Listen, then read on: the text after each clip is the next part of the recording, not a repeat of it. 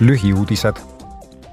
Euroopa Parlamendi delegatsioon osaleb sel nädalal Egiptuses ÜRO kliimakonverentsil COP kakskümmend seitse.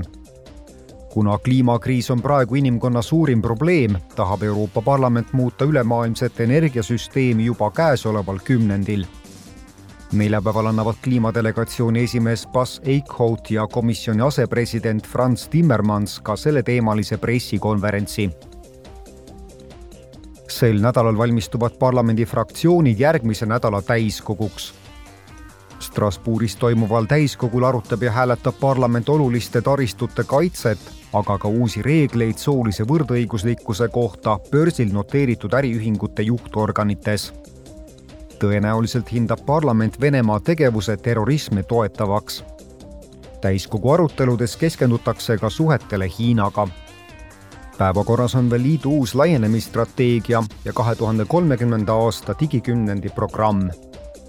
eelseisval täiskogul korraldab parlament ka oma seitsmekümnenda aastapäeva tähistamise tseremoonia.